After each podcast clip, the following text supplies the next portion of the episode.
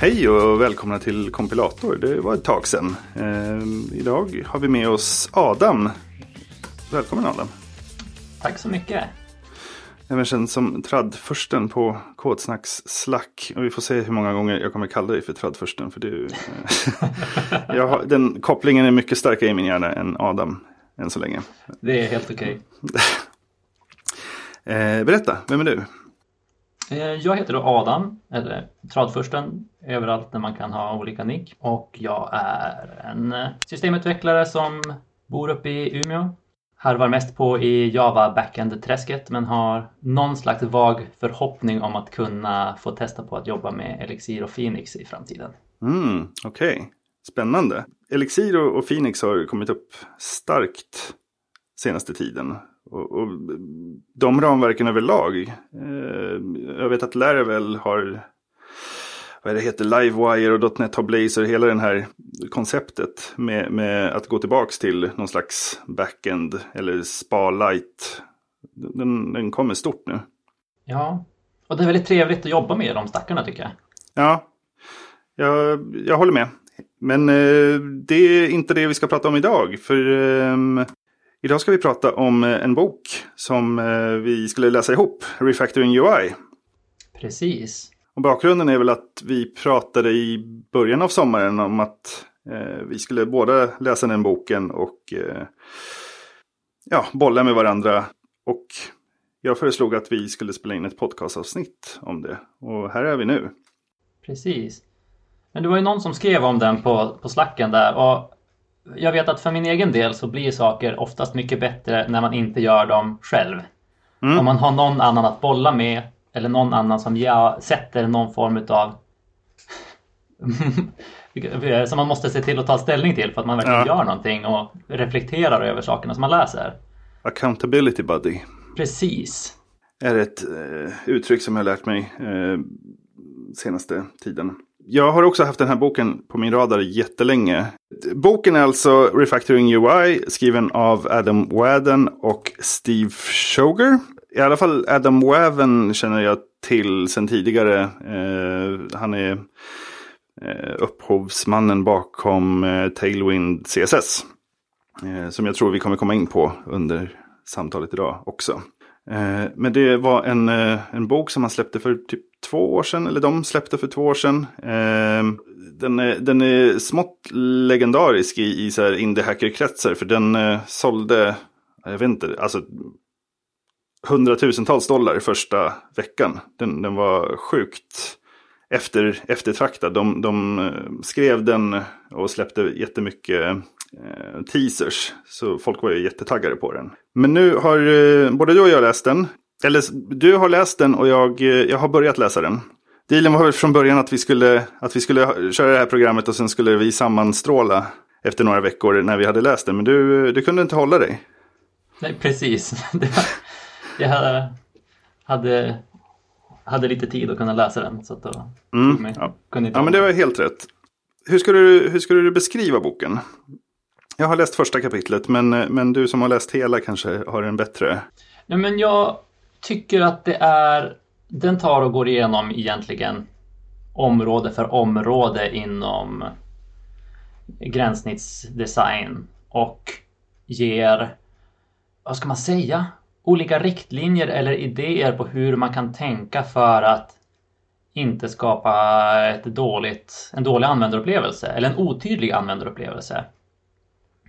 Och, eh, ja, men för min egen del som backendutvecklare som fuskar en del med frontendutveckling så är det ganska skönt att kunna ha någonting sånt här som man kan hålla i handen när man börjar skissa på ett användargränssnitt. Alltså att, som, som eh, en av de första sakerna som dyker upp är skippa borders. Mm. Jobba, med, eh, jobba med bakgrundsfärger istället och se till att inte ha för lite white space, för lite margins och paddings. Mm. Och att, ja, men, ofta när jag har byggt användargränssnitt då blir det så ja men man, slänger upp sakerna i en lista och sätter lite borders runt omkring för att gruppera och sen börjar utan paddings och margins. Mm. Och så ser allting jättekladdigt ut. Och sen så fortsätter boken egentligen igenom steg för steg där man ja, men inom ett avsnitt om färger presenterar på hur man kan jobba med färger, hur man kan tänka med färger på olika bakgrunder och med drop shadows, hur man kan tänka med det och så vidare. Mm. Nej, men jag hade hunnit läsa en del av de tweetsen som han hade skrivit ut och en del av de bloggposterna redan innan jag läste boken. Och mycket av innehållet i de bloggposterna är ju samma sak som dyker upp i boken med lite mera förklaringar runt omkring och lite, men lite mer utförligt vad och varför man kan tänka på ett sånt sätt. Mm. Och Det som jag tycker är så skönt också i den är att den, ja, men den ger tydliga riktlinjer för att inte allting ska bli för ihopklumpat. Att det ska Mm. bli tydligare att se en struktur i sidan eller applikationen som du bygger. Jag har ju bara läst första kapitlet, men det jag slogs av direkt är hur den är väldigt koncis och eh, det den säger är väldigt eh, actionable, vad det nu heter på svenska. Det är liksom eh, lätt att ta till sig och, och faktiskt göra slag i saken, eh, använda det som man har lärt sig. Som första kapitlet, det handlar, eh, alltså första, första meningen är typ start with a feature not a layout. Och bara det liksom, det ställer ju helt på ända saker, hur man tänker att man ska designa. Eh, För där säger de liksom skit i menyn och, och, och hur, hur saker ska ligga. Liksom starta med en feature eh, och ta det därifrån. Och bara det är liksom, Lite mind-blown. ja men precis. Lite så här, där, det är inte där vi brukar börja. Nej. För min egen del, jag är också främst backend-utvecklare som, som fuskar med fronten. Och, och min, min go-to-grej har ju alltid varit att, att typ köra bootstrap. Och så hittar man något bootstrap-tema som ser schysst ut. Och så kör man på det. Men problemet är ju, man tänker inte design då, då tänker man inom den här Fimet-templaten som man har, som man kör på. Den här boken är verkligen, eh, jag ser verkligen fram emot att, att läsa vidare i den och se vad, vad man kan lära sig. Men berätta mer, vad, vad, vad har du mer för takeaways? Ja, men jag har skrivit upp några saker som jag har reflekterat över. Som, Mm. jag, tycker, som jag tar med mig som de viktigaste sakerna. Och, dels den här grejen att ja, men skippa borders, jobba mer med bakgrundsfärger. Eh, och för att kunna göra en gruppering av information. Mm. Och sen en annan sak som jag tyckte var väldigt, som togs upp i samma område där var det här att vi är väldigt fast i att de taggarna som vi har i HTML, att en H1, det är ju huvudrubriken, den ska Mm. vara den största för att det är så det alltid har varit. Men det är inte säkert att det är det bästa sättet att förmedla informationen på sidan. Att ja, men det kanske inte är att sidan är, jag vet inte, registrera användare. Mm. Att rubriken registrera användare är det som ska vara störst och skrika mest på uppmärksamheten. Utan det kanske är fälten för användarnamn och för att skapa konto som är de ska, som ska vara tydligast. Och det var en av de sakerna som man pratade om, att man ska se till att jobba med storlekarna och nyanserna på texten istället för jobba mer med nyansen på texten och färgen på texten istället för storleken. Mm. Och att låta, låta det som är viktigast ta plats. Och andra saker som, även om vi tänker strukturellt utifrån HTML att det borde vara tydligare och större, så kanske inte ska vara det. Mm. En annan del sen också var ju det här med margins och paddings. Att blåsa upp saker extremt från början och så krympa det tills det känns bra. Istället för tvärtom. Istället för att börja väldigt kompakt och så skala upp tills det känns bra. Så börja exploderat och krympa tills du märker att nu, nu börjar det kännas behagligt. Nu börjar det kännas som att det är balans i det. För oftast behöver du mera utrymme runt omkring komponenterna för att det ska vara tydligt. Och om man börjar med det uppblåst till extremen så kommer du sluta i det övre spannet mot vad du tycker känns behagligt att se på. Om du börjar med en kompakt layout som du sen skalar upp paddingen så kommer du sluta i nederkantingen på vad som du tycker är behagligt. Just det.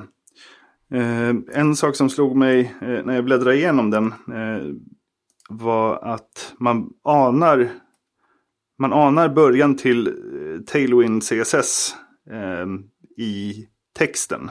De har någon, något avsnitt där de säger att man ska eh, man ska låsa sina värden. Man ska, ha, man ska liksom inte ha hur många bredder som helst utan man ska välja tre, fyra bredder eh, tre, fyra fontstorlekar, tre, fyra eh, paddingar och liksom hålla sig till dem. Och det går ju extremt mycket igen i Tailwind CSS märker man sen. Det blir inte mindre när vi kommer till drop shadows, färger och andra grejer heller kan jag säga. är, man, man ser ju Tailwind-ramverket rakt igenom hela boken. Mm. Och det är väl kanske en av anledningarna till att jag trivs så bra med att jobba med Tailwind är att ja, men den här approachen till att bygga användargränssnitt passar mig. Och det gör ju att Tailwind-ramverket resonerar med hur jag vill tänka och arbeta kring layout. Jag, jag får känslan av att väldigt många backend-utvecklare klickar med Tailwind. Eh, jämfört med rena frontet-utvecklare som de kanske har kommit över det här nu, men, men eh, de var ju väldigt emot det här att man skulle läsa på massa klasser i HTM, HTML och inte röra CSS-koden alls. Men för mig känns det mycket, jag vet inte, det, det är något som klickar mycket, mycket bättre. Mm. När, man, när man ser all informationen om stylingen av någonting på ett och samma ställe. Jag tycker också att när, när jag har jobbat med Tailwind så blir det lättare att få saker konsekvent. Att när jag har stylat med ren CSS så blir det lätt att, ja men som, som du var inne på det här, att det blir lite olika värden. Att fontsizen spretar lite grann åt olika håll. Det blir lite olika paddingar. Mm. Att det är lättare att hålla det konsekvent med Tailwind tycker jag. Ja, precis. För de som inte har jobbat med Tailwind, man får en hel radda med, man tänker typ padding, då, då heter den P-streck eh, 12, 24, 64 liksom fasta hopp. Så att man är, man är, den tar bort en massa valmöjligheter och det, det tycker jag är jätteskönt. Att liksom, man, man, har, man kan inte välja på allt utan du, man får en palett eller en meny med, med saker som man får med, välja mellan och så vet man att de kommer se schyssta ut tillsammans. Precis. Men det är lite grann samma sak också där att bara för att man har hela Tailwind-ramverket så måste man fortfarande lägga på begränsningar på sig själv ändå. För vi mm. kan ju inte använda alla de paddingarna som finns. För det kommer ju se väldigt konstigt ut. Vi kommer inte använda alla färger utan vi måste fortfarande göra ett bestämma oss för att men det här är storleksområdet som vi vill ha på våra marginaler. Mm. Det här är det färgskalan vi vill ha. Just det. Har du tittat någonting på det som heter Tailwind UI som var liksom en uppföljnings produkt till både Tailwind CSS och Refactoring UI. Nej, det har jag missat. Det är, det är Adam Whedon och, och eh, Steve Schroger som har byggt, de har, de har tagit liksom eh, allt de skriver om i, Tail, i um, Refactoring UI och så har de byggt uh, massa komponenter och sidor uh, med Tailwind. För att liksom exemplifiera det här.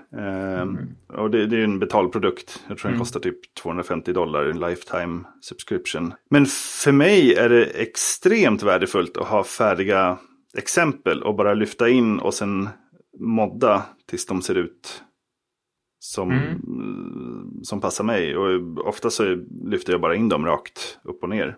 Är det det verktyget som du använder mest när du tar och bygger små produkter och så? Eh, ja, eh, det är en blandning av det här Tailwind UI och så finns det en, eh, en liten uppstickare som heter shuffle.dev. Och det, det är en sån här sidbyggare. Och de, de har både Tailwind, Bulma och, typ, och Bootstrap. Eh, men de är mycket mer grafiska, det är mycket mer dra och släpp. De har liksom en massa olika komponenter och så kan man bygga upp sin sida och så klickar man download så får man en, en Mm. En HTML-fil med, med Tailwind-klasser. Intressant, det måste jag kolla in. Ja, den, den är faktiskt riktigt bra. Jag, jag, var, jag såg dem på Hacker News för flera år sedan och så signade jag upp mig på en sån här lifetime subscription för typ 70 dollar. Och nu kostar de 50 dollar i månaden så jag är väldigt mm. nöjd med mitt köp. Det är perfekt. Men överlag så tycker jag att det är ett mycket enklare sätt att jobba. Eh, det är lite så här blank page paralysis annars. Eh, man har liksom en helt blank sida och så det är jättesvårt att börja. Det är mycket enklare om man har någonting som, som man ser och så tycker man att det här ser schysst ut förutom de här tre grejerna jag, jag fixar dem och så och jacka in sin funktionalitet på komponenterna sen när de ligger på plats där istället för Exakt, exakt. Jag jobbade ju på webbyrå förut och då var det extremt mycket så att man, eh, man, det var liksom en designer som ritade någonting i Photoshop och så gav de det till en frontändare som gjorde HTML och så fick man färdiga HTML. Och det, eh, jag är van att jobba med, med det tankesättet. Jag är van att leverera REST-API-er. Ja. det är det jag oftast gör. Ja, ja men sam, samma här och därför är det så roligt att, att faktiskt göra någonting som syns. Mer Mm, än en, det håller jag med om. En, eh, swagger eh, interface. Kul att få göra saker på en demo som inte är i Postman. Precis, exakt. Men du, vad, vad, vad hade du tänkt bygga? Har du något, något projekt som du är sugen på? Eh, Jag har ett hobbyprojekt som har en användare som inte är jag. Och det är ju fantastiskt kul. Det är ett administrations, en admi- administrationstjänst för lopp som springs där det inte finns 3G-täckning. Utan bara som man, eh, man kan inte använda egentligen ja, eh, 3G-uppkopplingen för att kunna lita på att man kan checka in. Utan i det här systemet så checkar man då in på checkpoints genom att skicka sms.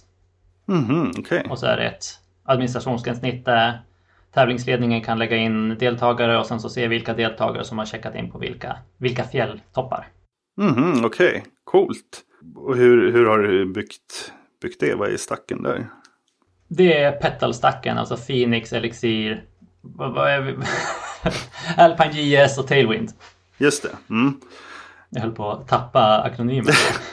Eh, Men det var ju innan jag hade läst Refactoring UI som jag byggde den med Tailwind. Mhm. Så nu ska jag se till att jag går över den och ser till att det blir att informationen blir tydligare för användaren. Mm. För jag, nu när jag har läst boken så ser jag ju saker som jag har gjort i den applikationen som inte är riktigt bra. Mm. Jag ser det nu på ett tydligare sätt utav att ha med mig de här reglerna eller tipsen i bakhuvudet. Mm. Och hur, jag är jättenyfiken på hur du, hur du började. För det tycker jag är absolut svårast. Liksom, när man sitter med den här blanka sidan. Hur gör du när, när, du ska, när du ska börja? Börjar du med papper och penna eller börjar du direkt skriva HTML-kod? I det här fallet så började jag nog först med att göra någon bara skiss på papper och penna. Mm. Jag brukar göra det och sen så brukar jag börja skriva kod och sen är det inte alls det som jag har ritat som jag i slutändan gör. Och sen, det här är ett, ett lopp som springs i fjällen i min hemby där jag är uppvuxen ungefär. Mm. Och när jag sprang det för tre år sedan så såg jag att deras administrationssystem var en surfplatta och ett pappersblock och så ska de ta hand om 50 pers som smsar kontinuerligt under dagen och hålla koll på vilka som har checkat in vars. Mm. Så att hon som hade hand om det, hon sa att hon gjorde ju ingenting annat den dagen. Hon satt, satt vid telefonen och skrev upp och kollade, Mm. stämde av. Så att nu började jag ju egentligen med sms-API och se till att kunna ta in sms-checkpoints, tolka dem och bara presentera en lista av meddelanden. För jag tänkte, kommer jag dit bara så Mm. har jag ju hjälpt dem jättemycket. Mm. Just det. Vad använder du för sms? 46 Elks. De, de verkar poppis. Ja, det var jättesmidigt att göra med. Ja. Och de, jag, hade, jag hade ett väldigt spännande problem. Jag smsade från min telefon och jag fick inte in det i systemet men jag såg att resten-punkten svarade och när jag skickade från en annan telefon så funkade det. Jaha, okej. Eh, Och då kunde de gå in och se att nej, nej, det kom inte in någonting. Så då fick jag ringa till Telia och då kunde de se att jag hade skrivit en nolla för lite. Så det var, det var fel telefonnummer men det såg helt rätt ut i, i sms-appen på telefonen. Jaha. Alltså. ja, det är inte varje dag man får Telia att debugga någonting. Nej, så de kunde gå in i loggarna och se att du har skickat tre stycken sms här och det är lite fel nummer. Jaha, okej. Så de gick iväg någonstans till något. Jag, jag, jag lyckades komma förbi den här första nivån av support där tror jag. Ja. Jaha, men spännande. Och, och den appen är i produktion och... Ja, det är den. Den Coolt. finns i produktion.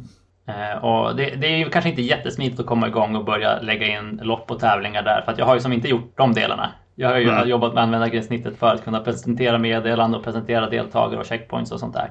Mm. Men jag har ju lagt upp allting manuellt med SQL i databasen Mm.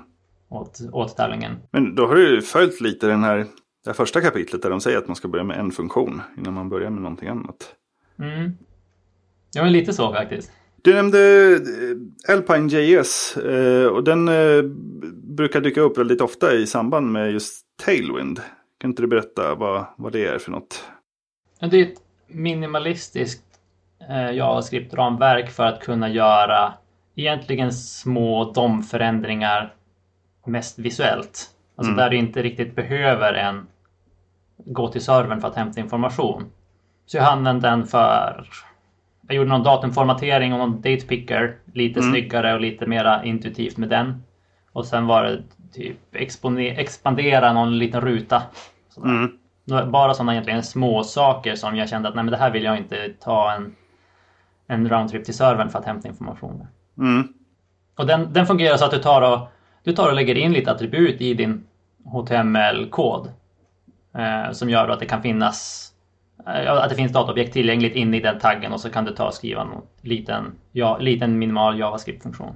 Mm. Det, det, det har kommit jättemånga sådana små ramverk som lirar väldigt fint ihop. Det, jag tänker på Tailwind, jag tänker på Alp- Alpine IS. Eh, jag tänker på HTMX. Har du tittat någonting på det? Det har jag inte kollat på. Eh, det är i princip, är det Livewire som det heter i... Nej, ja, det är Livewire väl är... Det är Det, Laravel. det, ja, precis. Vad heter motsvarande i Phoenix? Det heter... LiveView. LiveView. Det är lite som LiveView eh, fast eh, agnostiskt. Det Mhm. lite som Alpine JS, man taggar upp saker. Eh, och så eh, Säg att man, man eh, submittar ett formulär. Då, den gör, det, det är lite som jQuery var förr i tiden, men modernare. Så den, den submittar... Vanligtvis när man gör någonting så submittar man det. Backenden gör någonting så får man tillbaka det i, i JSON-format och så har man något JavaScript-ramverk som konverterar det till HTML. Men HTMX hoppar över hela det steget utan den gör en, liksom en asynkron post. Så får den tillbaks HTMLen för eh, det som har förändrats. Och så bara switchar den ut den, eh, den biten av domen. Så det är, eh, det är jättesmidigt. Det, det är väldigt låg eh, kognitiv belastning. Använder du den tillsammans med Blazor då eller? Eller istället Nej, för det istället för Blazor. Jag, jag, jag är jättekluven till om jag gillar Blazor bättre eller om jag gillar HTMX bättre. HTMX är mycket mer eh, lågnivå, low-tech. Eh, Blazor är lite mer magiskt. Eh, jag har inte bestämt mig om jag gillar magin bättre eller om jag gillar förutsägbarheten bättre. Det bästa är förutsägbar magi.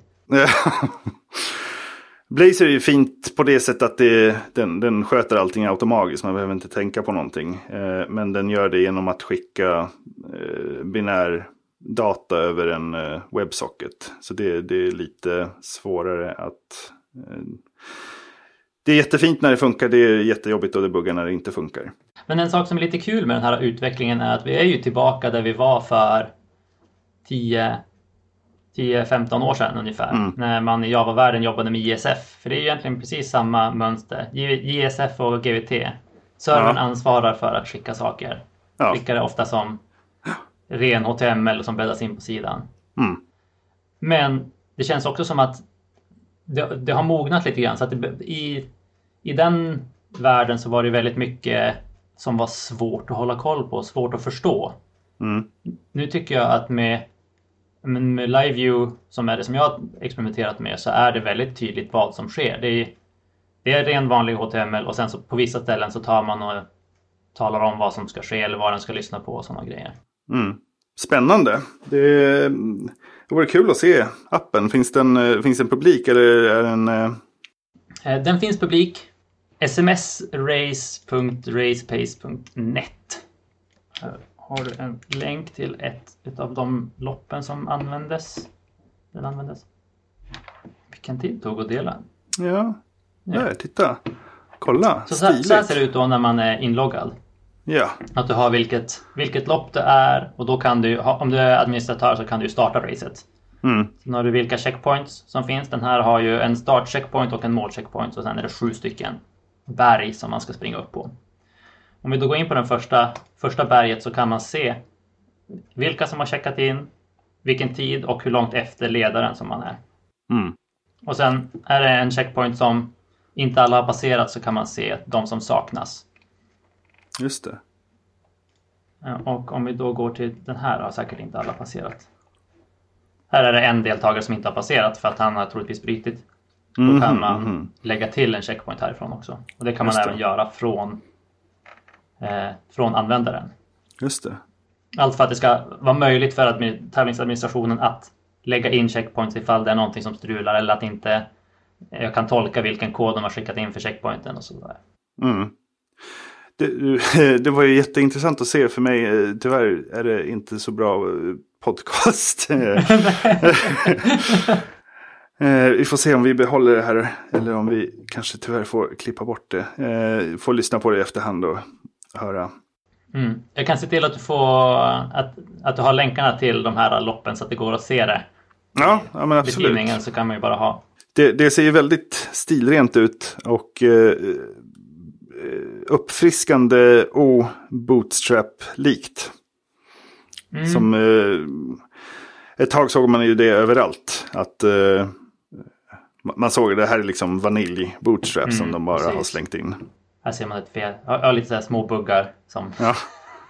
Eh, Men en sak som jag saknade i boken, som vi kan komma in på lite grann nu, det Mm. är ju att det här ser ju jättebra ut och var väldigt lätt att jobba med i den här kontexten som är en webbläsare.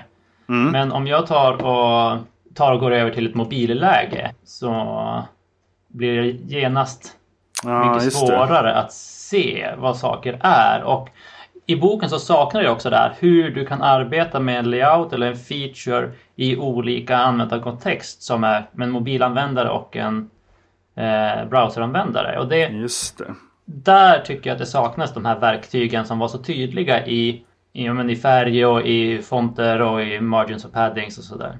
Mm. Eh, det kan jag tipsa om. Eh, Tailwind UI är att de har ju jättemycket just precis sådana här komponenter och de, då är de eh, eh, reaktiva. Eh, så att eh, de anpassar sig efter, efter eh, vad man använder för tillfället. Eh, så om man behöver inspiration så är det, det, det är väldigt väl spenderade pengar tycker jag. Det ska jag verkligen kolla in här nu sen. Ja, jag tänkte avrunda med en sak som vi, eh, vi råkade komma in på när vi, när vi preppade inför det här avsnittet. Och det är att eh, eh, du håller på med bokbindning. Eller, håller på är kanske fel ord. Mm.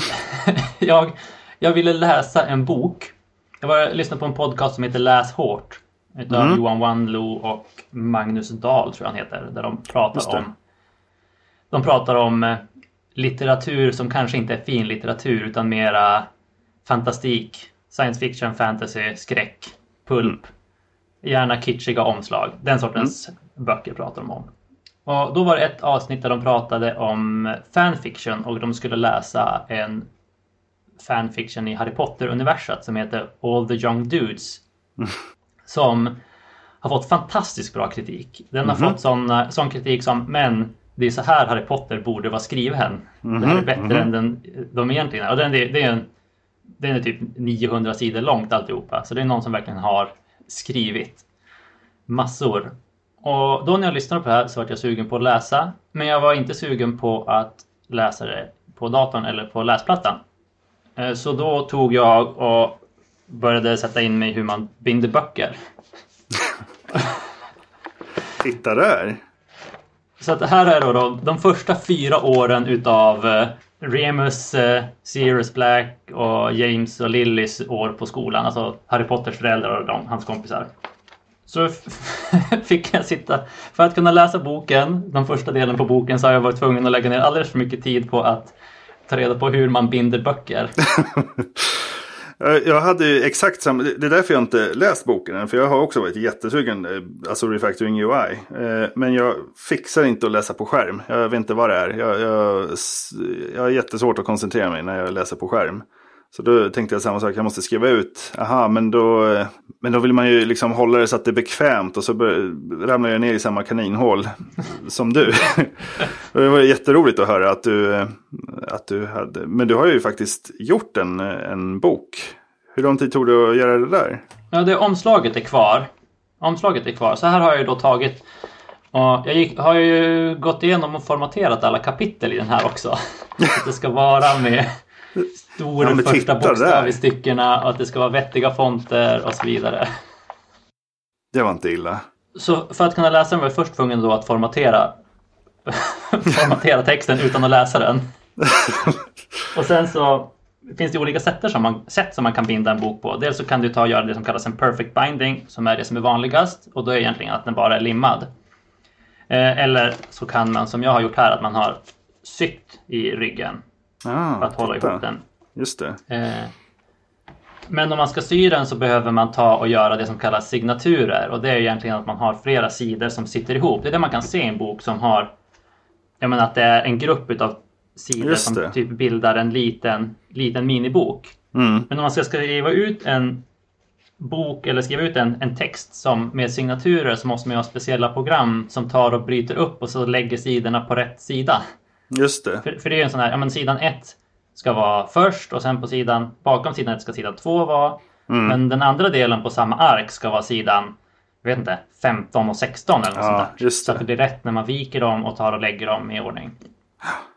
Eh, vad är det sånt program heter? Det heter... In, jag, har, jag har det öppet här någonstans, tror jag. Det är Ja. jätte, jättefestligt att Composer du... eller något sånt där. Ja, ja, men precis. Exakt. Jag, jag vill se till att jag har med den eh, till en JavaScript-appen som jag hittade och använde mig som var jättesmidig att använda. Men det, det var ett sånt fantastiskt kaninhål att trilla ner i och se folk som binder fantastiska böcker. Mm. Och folk som gör bara ja, men, limmar ihop sidor bara för att det ska hållas ihop så man kan läsa det. Mm. Det, jag, jag är alltid på jakt efter hobbys som inte involverar datorer. Nu, nu gör jag det här lite, men det, det är ändå okej. Det, det känns som ett hantverk verkligen. Mm. Men det var väldigt så här tillfredsställande att sitta och vika papper och sen ta och sy ihop de här och sen så är de i en hemmagjord press och så limma på ryggen för att det ska hålla ihop. Men nu när jag börjat läsa den så jag har börjat tjuvläsa nu innan omslaget är färdigt. eh, så är det ju som att sitta och läsa en, en riktig bok. Mm. Häftigt. Men du Adam, eh, tack så jättemycket för att du ville vara med eh, och prata Refactoring UI. Eh, och, och annat smått och gott. Och, och bokbindning inte minst. Men tack själv för att jag fick vara med. Det har varit väldigt trevligt. Och så får du komma tillbaks och, och prata petalstacken inom kort tycker jag. Det skulle vara kul också. När jag har gjort lite mer. Ja, Då, då kanske jag kan visa mitt nya projekt som jag inte törs visa för folk än för att jag är fortfarande i skissestadie. mhm, mhm. spännande. Då eh, ser jag fram emot att få se det längre fram. Men eh, tack så mycket för den här gången. Tackar.